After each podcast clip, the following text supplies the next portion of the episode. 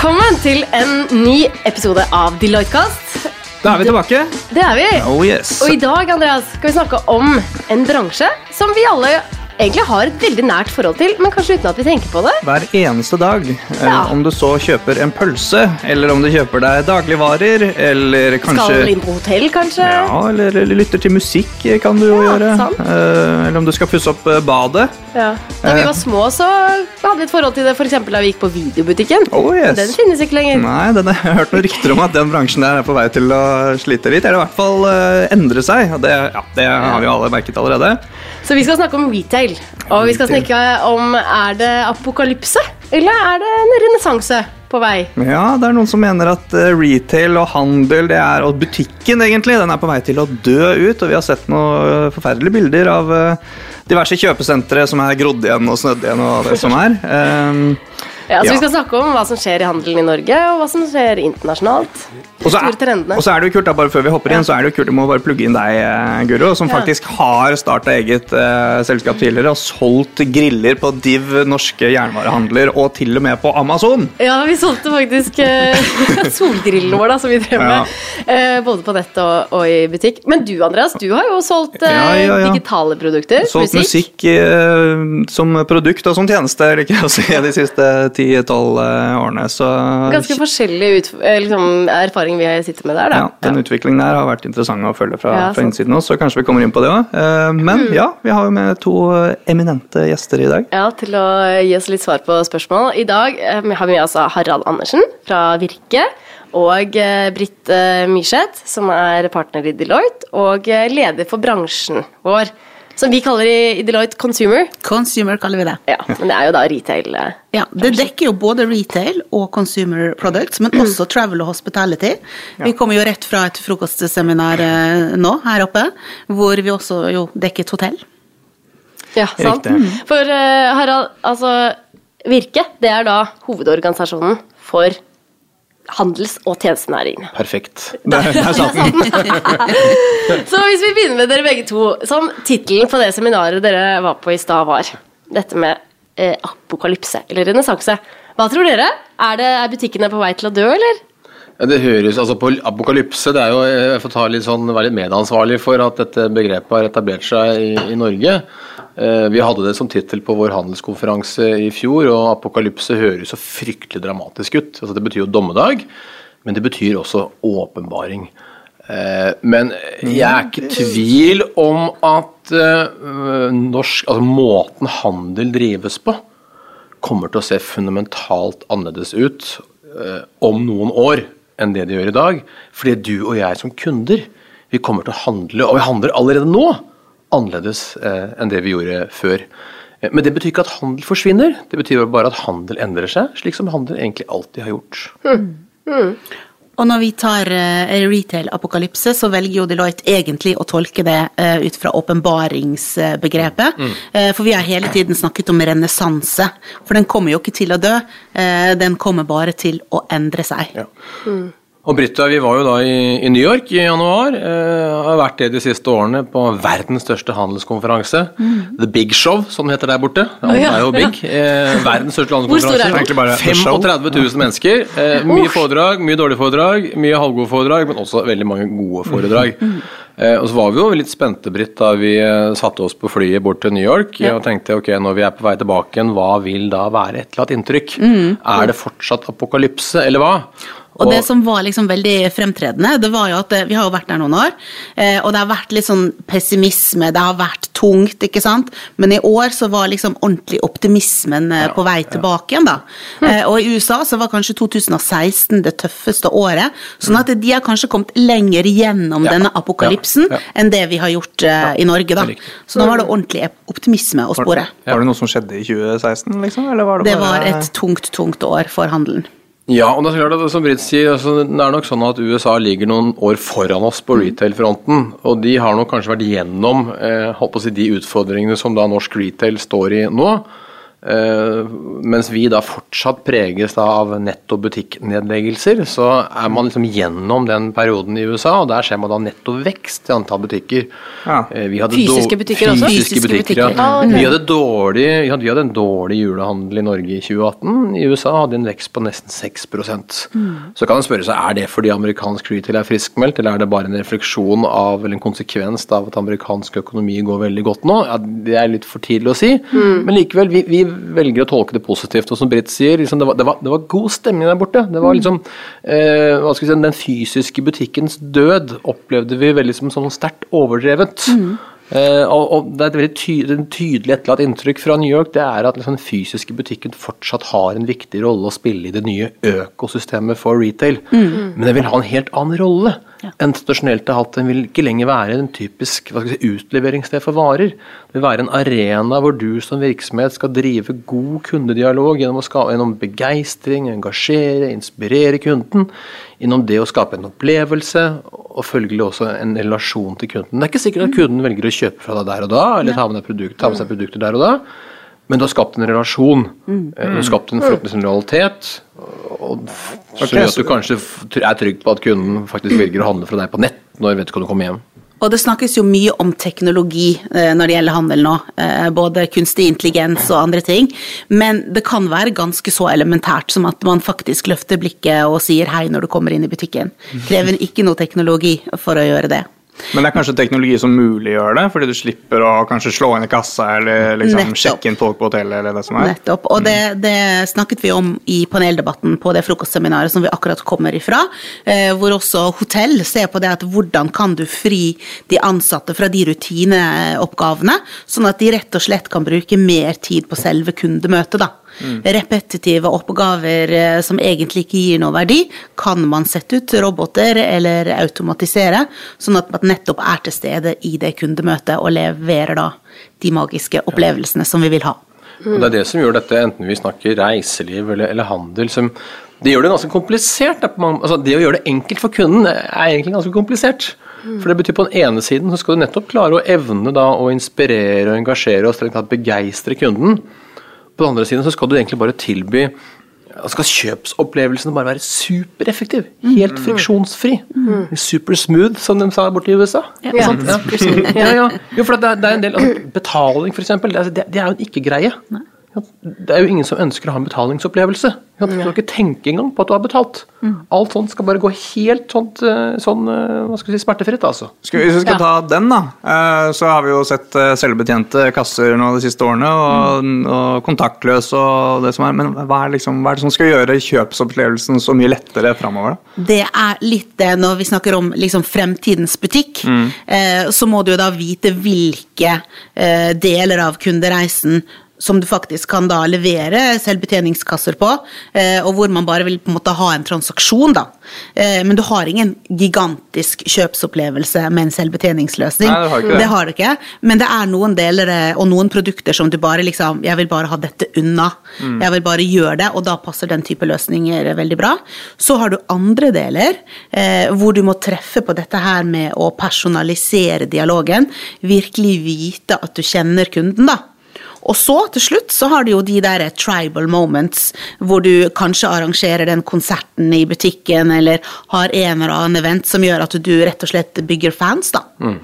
Så du må vite hvilke Hva er det kunden er ute etter? Community-tankegangen går inn i retail også? Absolutt. Ja. Og det, viser, det, er liksom, det, det er det som viser kompleksiteten, da, fra på ene siden å liksom by på den typen magiske opplevelser, og på den andre siden så skal du bare gjøre det superenkelt for kunden. Ikke sant? Det er noen som sier at 'convenience is the new loyalty'. Alle har hørt om det Amazon Go-konseptet. ikke sant? De har startet én butikk i, i Seattle, eller kommer visstnok en, de skal visstnok åpne en butikk i, i London. For de som ikke har hørt om det? Ja, det er jo en helautomatisk butikk. ikke sant? Det fungerer sånn at du kommer inn i butikken, ikke sant? du skrur på aktiverer Amazon Go-appen din, skanner telefonen din, så tusler rundt i butikken, du ser på varer, løfter opp varer, står ned varer, løfter opp varer, putter i handlenettet ditt, strener ut. Ok. Du treffer ikke betjente. ikke sant? Selve kjøpsopplevelsen er på mange måter hva skal si, ansatt eller, eller medarbeider fri. da. Og så er Så du bare skanner når du går ut? Nei, Du skanner skanner ingenting. Nei. Det er, Nei, det er brikker Nei. i hver vare. Ja, men den får med seg hva det er. alt er kamera- og sensorstyrt. Du trenger ikke tenke. Mm. Det er bare superenkelt. Men kommer det, når kommer det? Jeg vil ha, det. Jeg vil ha en sånn type butikk i Det er her nesten allerede, og det er ikke sikkert det er det at Amazon kommer til å rulle dette konseptet. Kanskje er teknologien på en måte de utvikler og skal selge videre.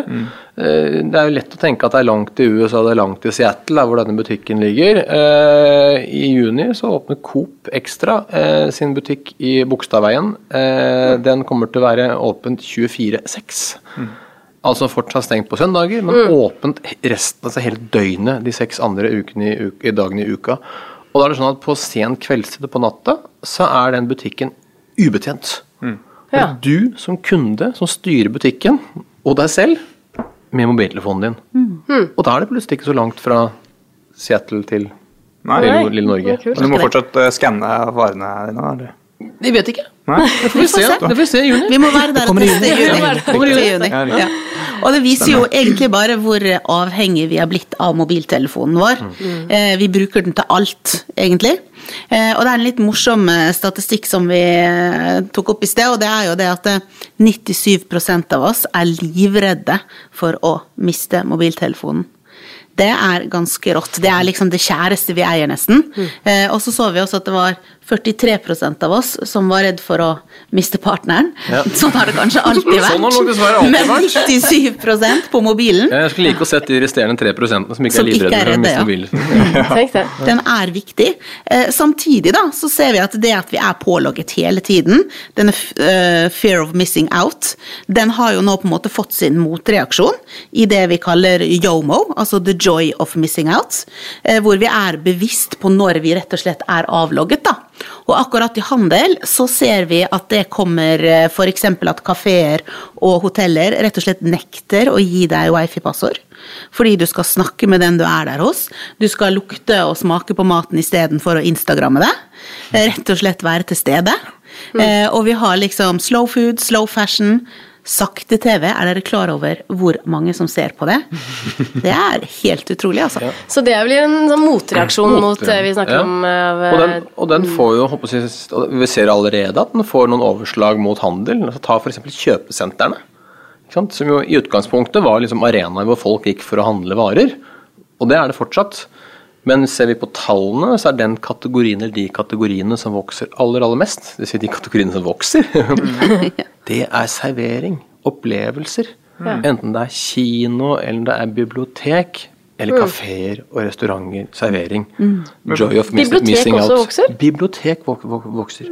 Betyr det at uh, dagligvarehandel skal begynne å, å kjøre mer restaurantopplevelser, og, eh, og bokhandlene skal begynne å låne bøker isteden? eller? Ja. Hvis vi ser til Kina, f.eks. Ja. Alibaba, så er det helt tydelig. Hvis vi ser på deres supermarkedkjede Hema, f.eks., da er det sånn at du kan gå og velge ut hvilke produkter du skal ha, levere det til restauranten eh, i butikk, så lager de rett og slett middagen for deg. Nei.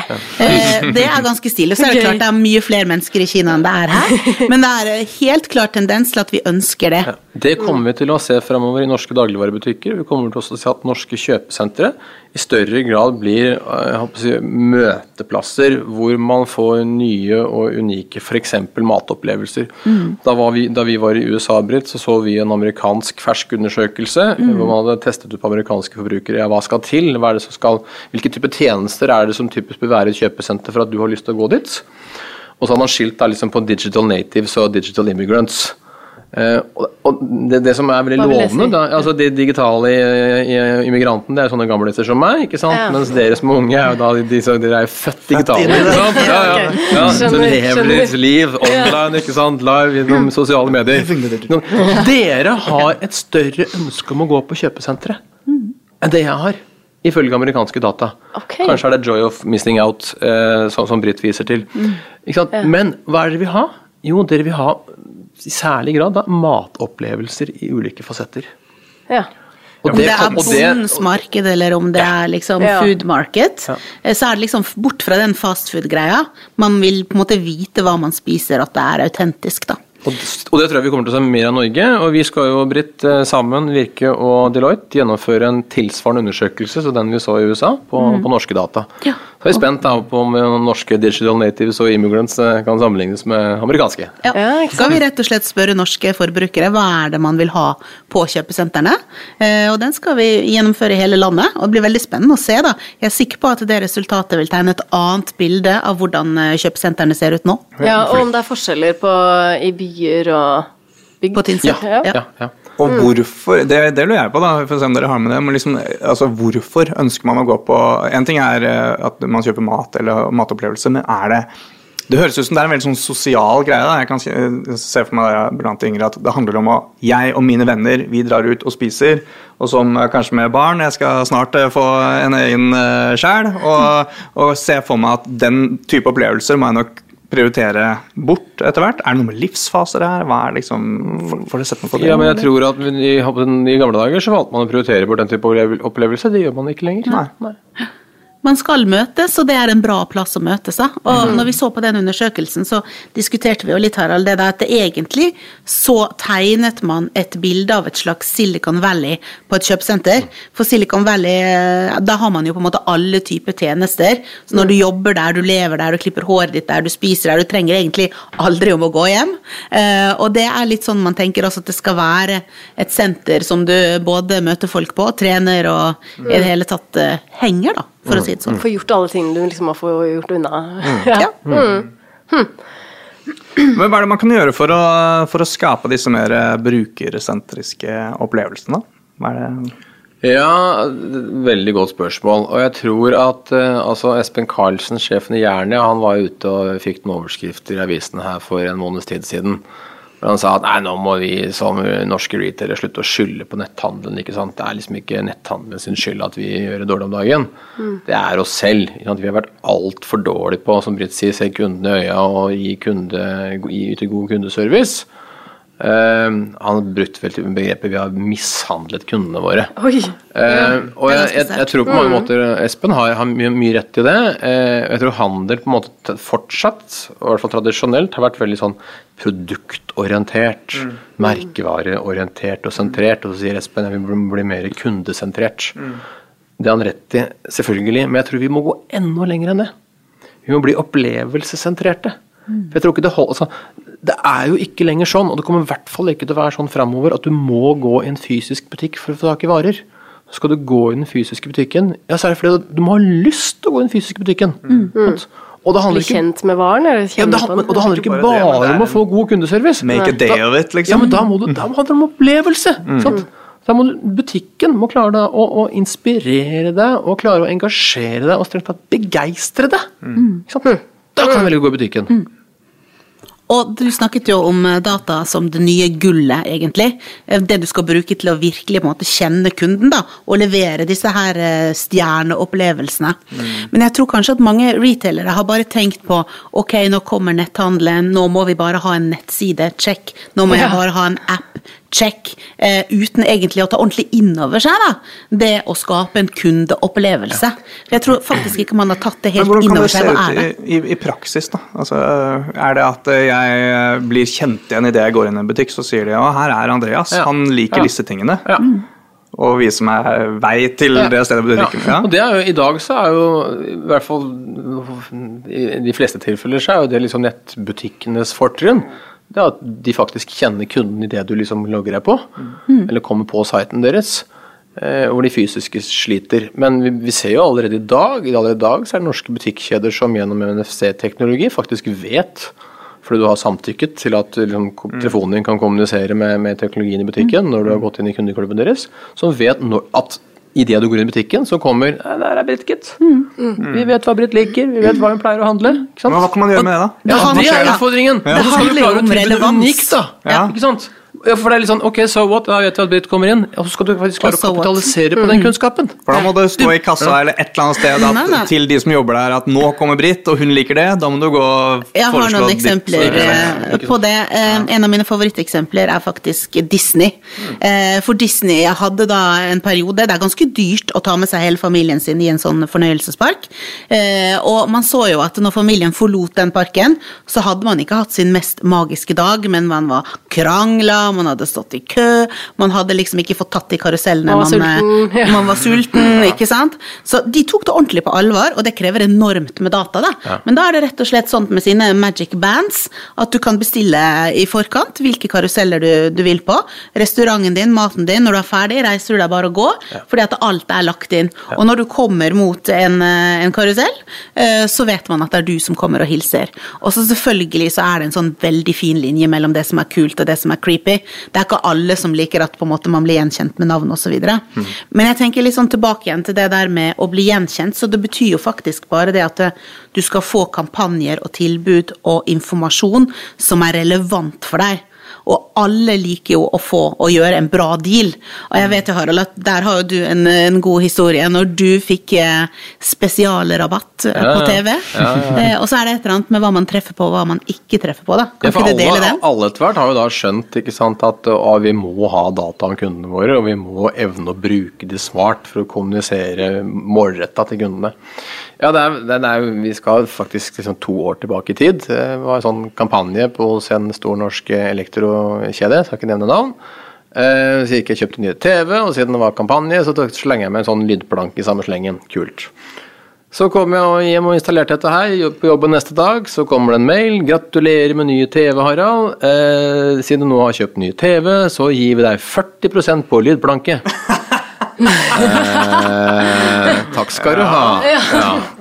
Så ja, bra. Jeg har kjent at liksom her gjelder det, og vi, vi vet hvem kunden er, nå skal vi tilby noe unikt, men det er klart at uh, det er lett- De hadde det er lett- det er lett å tryne òg, da. Da Så det ikke å tryne. Ja. Så det som, kunne vært. Ja. ja, det som kunne vært en veldig bra opplevelse, ble Ble dårlig. Ble bare en stor irritasjon. Og det er liksom Ja, ja, nettopp. nøkkelen. Men du, for det har jeg opplevd, bare, altså, at eh, man faktisk får tilbake de pengene i etterkant òg. Men da må du jo dit en gang til. Ja. Eller du må, må sitte chatte, på vet du, du må telefon chatte. og Det har du ikke Hassel. Da er det friksjon. Det er klart. Friksjon. Men dette her med relasjonen mellom fysiske butikker og nett eh, Det er mange nye begreper. Bopis, Boris, som vi har hørt om, og som dere sa det var tema på konferansen. Hva hva er det som skjer mellom disse eh, relasjonen mellom fysisk og nett? Ja, men det Og hva er de begrepene? det handler jo om det. ikke sant? Det, det, så framtiden handler ikke om det fysiske versus det digitale. Det handler om begge deler. Ikke sant? Det må være helintegrert, eh, helt friksjonsfritt, helt sømløst, som felles deler av et hva skal vi si, 100% kundeopplevelsesfokusert økosystem for retail. Det er, fra, det er framtidens handel. Og Bopus og Boris er litt sånn, sånn eh, det er Hva står det for? Ja, det, det står for buy online, pick up in store og buy online, return in store. Jo, men Det er den, det er den der, det gode eksempelet på den der sømløse kundeopplevelsen. ikke sant? Du kunne kjøpe på nett, du skal kunne plukke opp i butikk, en kjøpe på nett, forventer. returnere i butikk. Ja, det er egentlig helt hygienefaktorer. Helt transparent, Ja. helt sømløst. Ja. Et fett om du kjøper her eller der, eller returnerer her eller der. Men jeg gjorde en skikkelig tabbe der. Jeg skulle kjøpe noen sånne snekker til barna mine, og så kjøpte jeg de på nett. Og så skulle jeg plukke opp da, det var Bopis der, jeg skulle plukke opp i butikken. Og så kom jeg hjem, da, for da hadde jeg, hadde jeg ikke sett på produktet da jeg hentet det i butikken. Jeg bare fikk det igjen sånn der, eh, liksom, innpakket. Så kom jeg hjem og så bare Nei, det var feil størrelse! Så bare, søren, hvis jeg, hadde, hvis jeg hadde kjøpt det her på en vanlig måte, så hadde jeg helt sikkert sett at jeg hadde kjøpt det for stor størrelse. tenkte jeg, Hva skulle butikken gjort annerledes da? De burde jo på en måte kanskje hjulpet meg til å sjekke at det her faktisk var riktig. Ja, for det var jeg jo innom butikken. Utrolig hassle for meg nå, for nå må jeg faktisk inn, tilbake, tilbake da. Ah, så slitsomt, liksom. Ja, Så da tenker jeg, der, der kunne de gjort noe bedre for min Definitivt. Ja. Definitivt. Der, for der går det egentlig fra, den, eh, altså fra å være en, som utleverer pakker, utleverer varer, til en som hjelper kunden å få akkurat det Ja. den skal ha. Og så er jo det også muligheten for oppsalg, da. For Ja, en ting er jo på en måte at du har bestilt det på nett, men så kommer du inn og kanskje møter en hyggelig betjening som har en samtale med deg, så dobbeltsjekker da at du faktisk har fått det som du bestilte, og kanskje foreslå noe annet også. Så det er Ja, et eller annet med at disse kanalene ikke skal konkurrere med hverandre. Mm. At man skal, for det gjør veldig mange retailere feil fortsatt, faktisk. At de driver og måler hvor mye trafikk det er på nettsiden versus butikk. Men man må jo se på en måte kanalene samla, mm. for det skal jo egentlig være irrelevant, da. I hvilken kanal kunden velger å kjøpe. Og i den, eh, det eksempelet her så hadde jo egentlig butikken en veldig god mulighet til at de, Der visste jo de ganske mye om meg, og de vil ha, uansett ha en interaksjon med meg, så de kunne jo på en måte forberedt Ok, nå kommer Guro inn, hun har nok eh, noe baby hjemme, for eller, nei, nei, dette kan vi forberede. Jeg tenker Der er det jo en åpenbar sånn teknologibit eh, av det. At det, det må være et system i butikken som gjør altså At de får beskjed om at eh, nå kommer Guro, og det, dette er henne. Men det andre er vel kanskje den innstillingen, kompetanse, kundesentrisk mindset hos arbeiderne. Hvordan jobber man med det? Ja, ja, Hvordan man jobber med det, det er jo liksom clouet hvordan man lykkes med å jobbe med det. For dette er ganske komplekst. På den ene siden så skal du da håndtere de kundene som faktisk Jeg har allerede bestilt på nett, jeg skal bare gå i plukkebutikk. Mm. Og da har kundene en forventning om at det skal gå helt smertefritt, helt friksjonsfritt. Veldig fort. Du skal, ja, du skal i hvert fall ikke stå i kø! Nei. Du skal ikke ha et spørsmål engang. Det blir nesten Nei, ja, irriterende. skal bare inn i den boksen. Det, er- det, er bare, det er bare helt klart med en gang du setter foten innenfor døren, så er varen der. Ut, ikke sant? Fra det, liksom spennende er gå fra det til nettopp å håndtere Guro. Så kommer de og lurer på hva i all verden jeg, slags smekker skal jeg egentlig ha til disse barna mine, hva, hvordan fungerer det, sant? hvordan fungerer datt? Uh, og det, det, med egentlig å beaktet dette var kanskje noe helt annet. Og så skal du som, som, som, som, som kundebehandler klare på mange måter å forstå de behovene, da. Uh, og levere på de behovene som Guro har, men kanskje også de behovene hun ikke helt hadde skjønt at hun hadde. Men du er inne på noe veldig viktig da, Andreas, fordi at dette her med digital trening av de ansatte, det å rett og slett øve på ulike situasjoner, det var en av de hotteste trendene som vi så på NRF. Eh, og også ikke bare i retail, men for eksempel det var jo eh, fra hoteller, altså du kan ikke sette inn en robotstøvsuger hvis housekeeping mener at det er en konkurrent, ikke sant, da vil man bare ikke bruke den, eller finne én million grunner på at, hvorfor det ikke er dårlig. Det må være et insentiv for de. ja, Ikke sant? Eh, Men så er det spesielt sånne situasjoner da, som vi viste bilde av oppe på konferansen i forhold til Black Friday f.eks. Black Friday det bringer jo virkelig ikke ut det beste i oss hva gjelder oppførsel. Men hvordan i all verden er det du skal trene dine ansatte da, på situasjoner som når folk kaster seg over jakker, ikke sant? Eh, og kanskje 40% av de som var i butikken din, de jobbet der ikke i fjor. Mm. og da er det dette her med å øve på situasjoner gjennom kunstig intelligens, gjennom gamification. Det var en av de hotteste trendene vi så, faktisk. Veldig fokus på å spille de ansatte gode, da.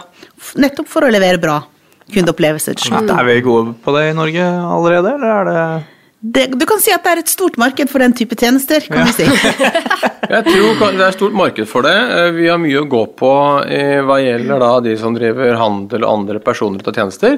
Men jeg opplever at vi har ganske mange dyktige utviklermiljøer i Norge Mm. som er- lager teknologi eh, for typ, typ, typisk da Det er helt riktig. riktig.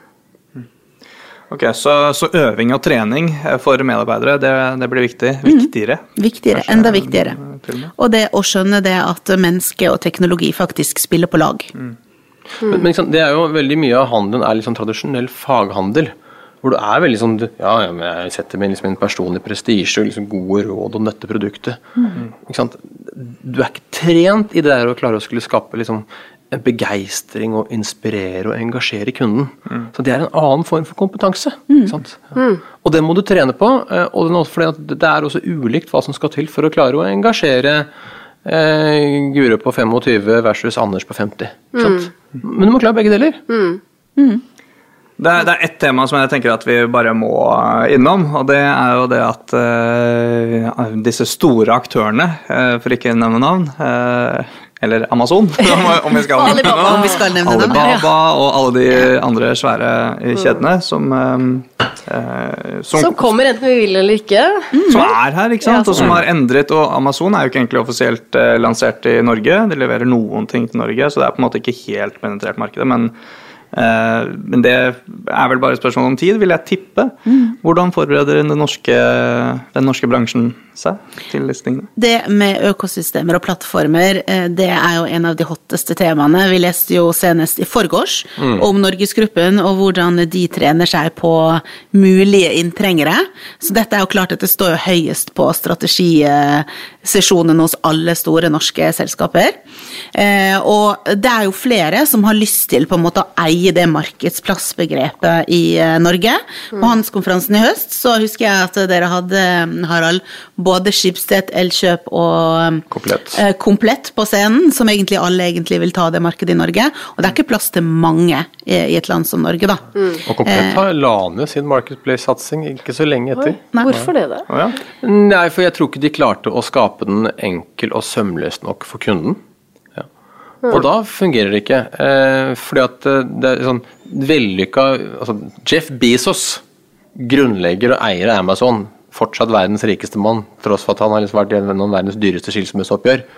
Han hadde liksom en misjon eller en visjon om å skape verdens mest kundesentriske selskap. Alt handler om å gjøre handleopplevelsen så enkel som mulig. Og han har lykkes rimelig godt, da. Men det er det utgangspunktet du må ta. Kunde, kunde, kunde, kunde, kunde. Og man sier i handel at kunden er sjefen, og kunden har alltid vært sjefen, men det har aldri vært mer riktig enn nå. For det, det vi snakker om med, med markedsplass, det er egentlig et sted hvor ikke bare eh, Amazon som aktør selger sine produkter, men hvem som helst kan selge. Litt sånn som Schibsted prøver å gjøre, eller gjør med Finn. Eh, og så har vel de også lansert en uh, markedsplass nå for nye produkter, så de ikke bare kjøper brukt. Eh, Fin shopping. Det er litt sånn uh, one stop shopping. altså Det er det stedet du går inn på, da, når du, samme hva du skal ha, egentlig, Ja. og forventer at det er der. Men da må du jo på en måte levere på det, da. Eh, men det syns vi også skal ta med oss, at det er jo en veldig sånn frykt for hva skjer når Amazon kommer, og stakkars oss, nå kommer disse store internasjonale aktørene. Eh, Musta, eh, norsk selskap, fiskekroker, eh, lanserer sin Hooked on Fishing. Eh, de eh, nølte ikke et sekund de, med å samarbeide med både Amazon og Alibaba, egentlig, eh, for å selge sine produkter. Eh, og det syns jeg er ganske bold og kult at de bare går head on inn i det markedet. De lærer masse, det er jeg helt sikker på. Ja, altså, er jo, altså, Amazon er jo åpenbart de er store i USA, de er store i England, og de er også blitt store i Tyskland. De har, altså, I Tyskland så foregår ca. 10% av all handel nå på nett, og Amazon har mm, 50 markedsandel. Ja, og Det betyr også at eh, det har altså ført til at nesten alle nye tyske liksom, e-commerce-startups de velger å distribuere på Amazon sin plattform. For det er, lettest, det er den letteste måten å nå ut til kundene på, og det er også, som Britt sier, det er også en måte å gå, gå, nå globalt på. Ikke sant? For du får jo tilgang til, til hele, hele, hele kloden. Ehm, så, så store muligheter, men så klart det er også en utfordring. For vi har jo også sett eksempler på at, eh, at eh, hvis du som e-commerce-aktør som distribuerer på Amazons plattform er veldig suksessfulle, ser at dine produkter går bra, ja, så kan jo Amazon bare finne på å kopiere dem og si at ok, da, ta, nå tar, takk for hjelpa, nå tar vi For det er over. jo det, for de er produsent også. De er produsent. Ja. De har, I Tyskland som jeg sier, de har da 50% av all netthandel i Tyskland. Halvparten er Marketplace, altså distribusjon av andres merkevarer. Og halvparten er egne merkevarer. Og så er det litt med dette her med forhandlingsmakt, da. Altså kanskje det som er store kjeder i Norge, som er vant egentlig med å få viljen sin når man forhandler. Eh, med Amazon så tar du de betingelsene du får. Eh, og det har litt grann med maktforholdet å gjøre, da. Skal du spille der, så er dette som er betingelsene, Jeg hører at til og med, til og med Ikea altså, eh, vurderer da å distribuere på, på Amazon sin Marketplace. Eh, og vi vet at de blir jo De får ikke verdens beste betingelser, men de føler samtidig at de nok kanskje ikke har noe valg. Og jeg hørte her eh, styre, det heter kanskje styreformann fortsatt, ikke ja, eh, fortelle da og referere til en samtale han har hatt med en kompis, som han sagt at ja, men jo, men det Ikea trenger jo ikke være så bekymret for sånn netthandel. Folk kjøper jo ikke en sofa de ikke har prøvesittet, eller en madrass de ikke har prøveligget. Så sier han feil, tenk igjen. 60% av våre kunder under 25 år i USA har aldri satt sine bein i et varehus. Ja, da flertallet av kundene, for det er kunder, men de har aldri vært et varehus før. Det utfordrer jo da en forretningsmodell som du kan si er relativt varehusdrevet. da. Ja, sant. Det er brutalt, altså. Ja. Det minner meg faktisk eh, om en film, eh, den er ganske mange år gammel nå, som heter Fight Club, Ja, ja. med Brad Pitt. Ja, ja. Eh, den var ganske rå, fordi at når man på en måte så rommet hans, husker jeg, så kom det opp eh, produktinformasjon fra Ikea. Det er Mm. dette produktet, det er dette prisen, som bare blir tegna opp liksom på rommet. Det er en ganske rå måte Mm. å gjøre eh, reklame på, da. Ja.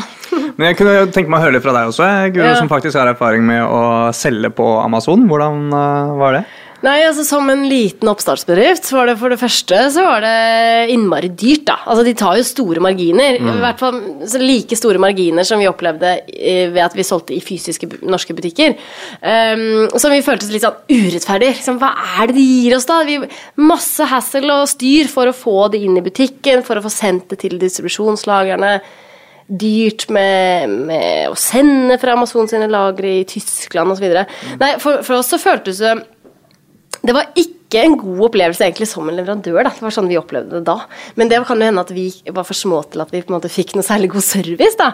Eh, men, eh, men samtidig så vi var også avhengige av å gjøre det. Fordi vi tenkte at det her er en kjempegod markedsføringskanal. Så for oss så tenkte vi vel like mye på det som en markedsføringskanal faktisk, som mm. faktisk salgskanal. da. Mm. Um, men eh, så Ja.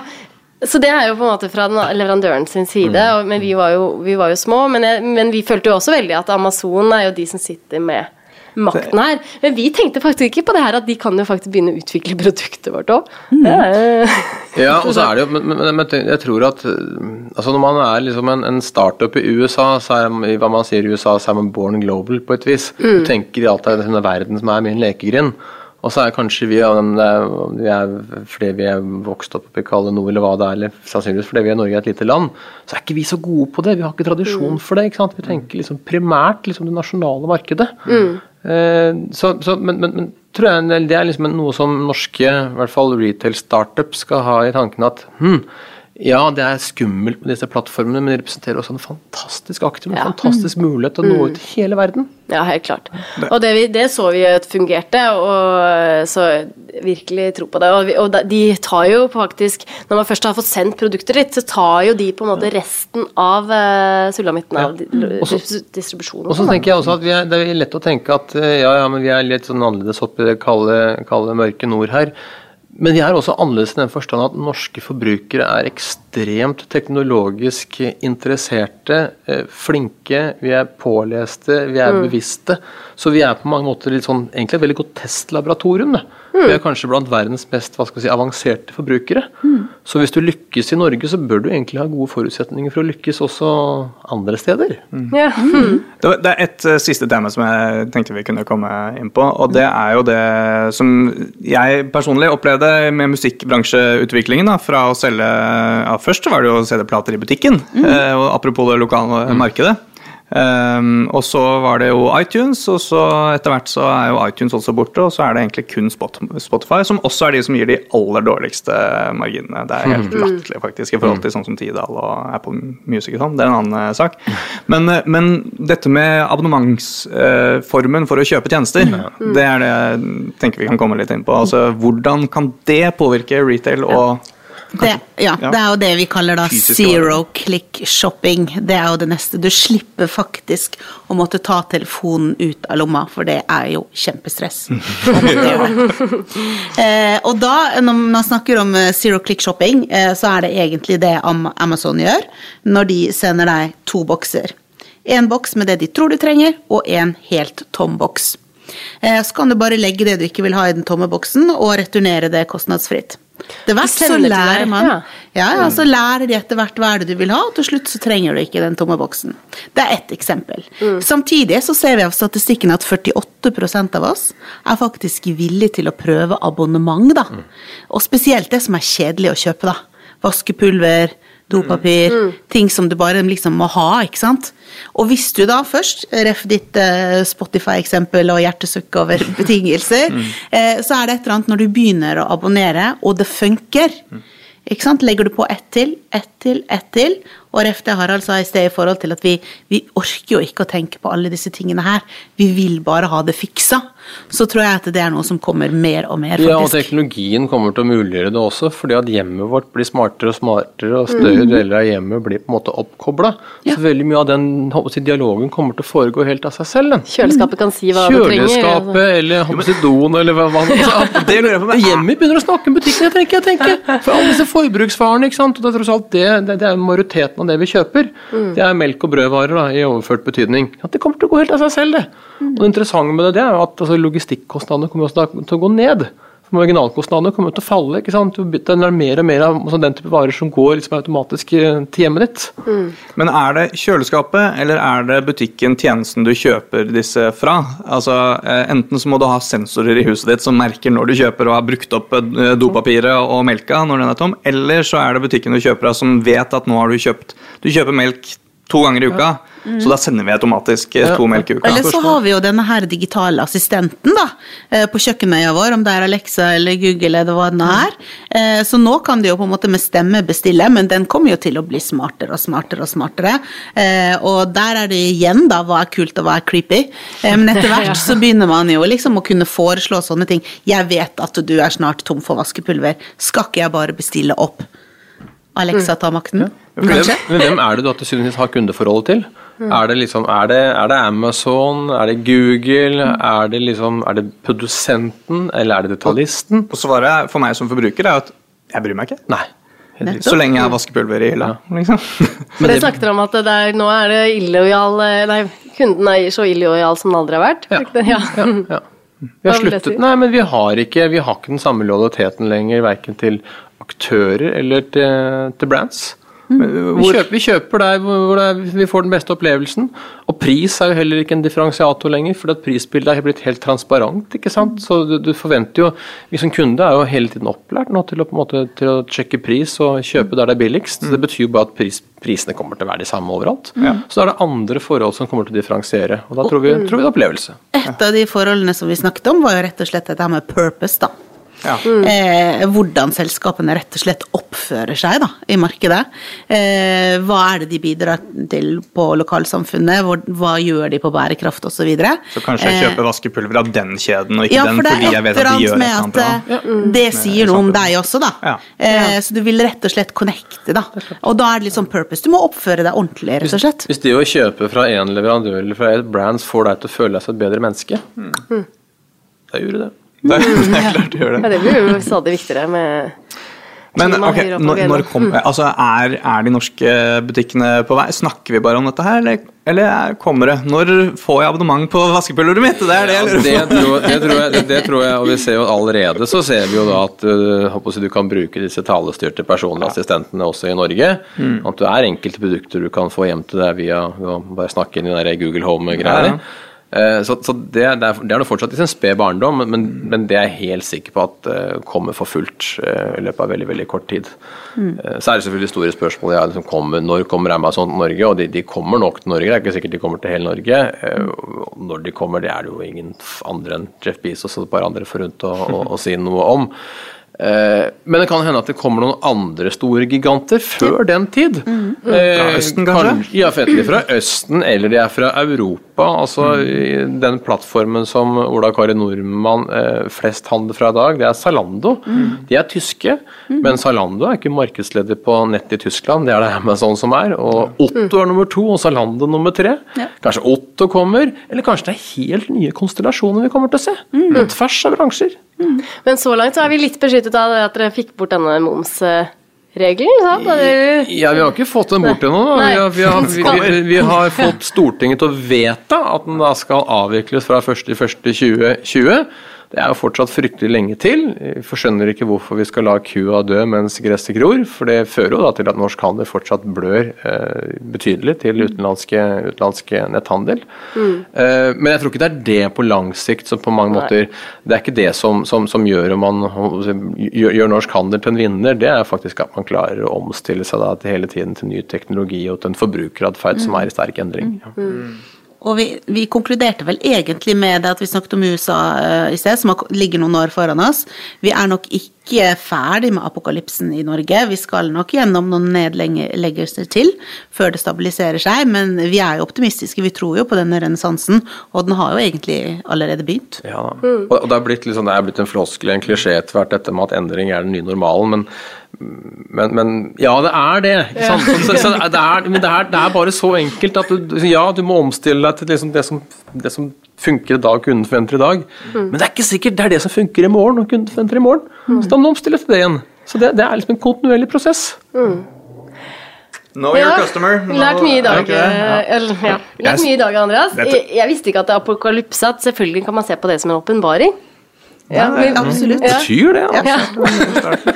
Jeg hadde bare lyst til å ha en bitte liten eh, kommentar eh, Ja. i forhold til eh, dette her. Vi har snakket mye om teknologi og være oppkoblet og helt tatt. Vi snakket også om denne her JOMO, altså The Joy of Missing Out. Vi nærmer oss påskeferie, og jeg vil egentlig bare oppfordre alle til å være offline. Ja. For det er også viktig av og til å være i denne denne denne teknologiverdenen. episoden kommer ut rett rundt eh, påske, så da råder vi alle til å ikke høre på denne episoden i påske. Og så kan jeg komme med også med en oppfordring. Dårlig samvittighet nå på tampen. hvis du har hørt på. Ja, en, annen, en annen oppfordring er i samme gata, det er jo dessverre sånn at påsken er da Det er en høytid, men det er også en stor uh, utfarts... uh, holdt å si eh, helg og, og dager for Ola Kari Nordmann, som drar til Sverige for å handle. Det kan man droppe i år. Det trenger du ikke. kan man droppe. Nå er det jo priskrig, så da trenger du ikke det lenger. Nei, ikke sant? Så, Men det får legge fra seg mobilen, så kan man sjekke ut den episoden vi hadde på Techlash. eh, det kan vi gjøre, Mm. apropos å ta pause fra teknologi. Ok.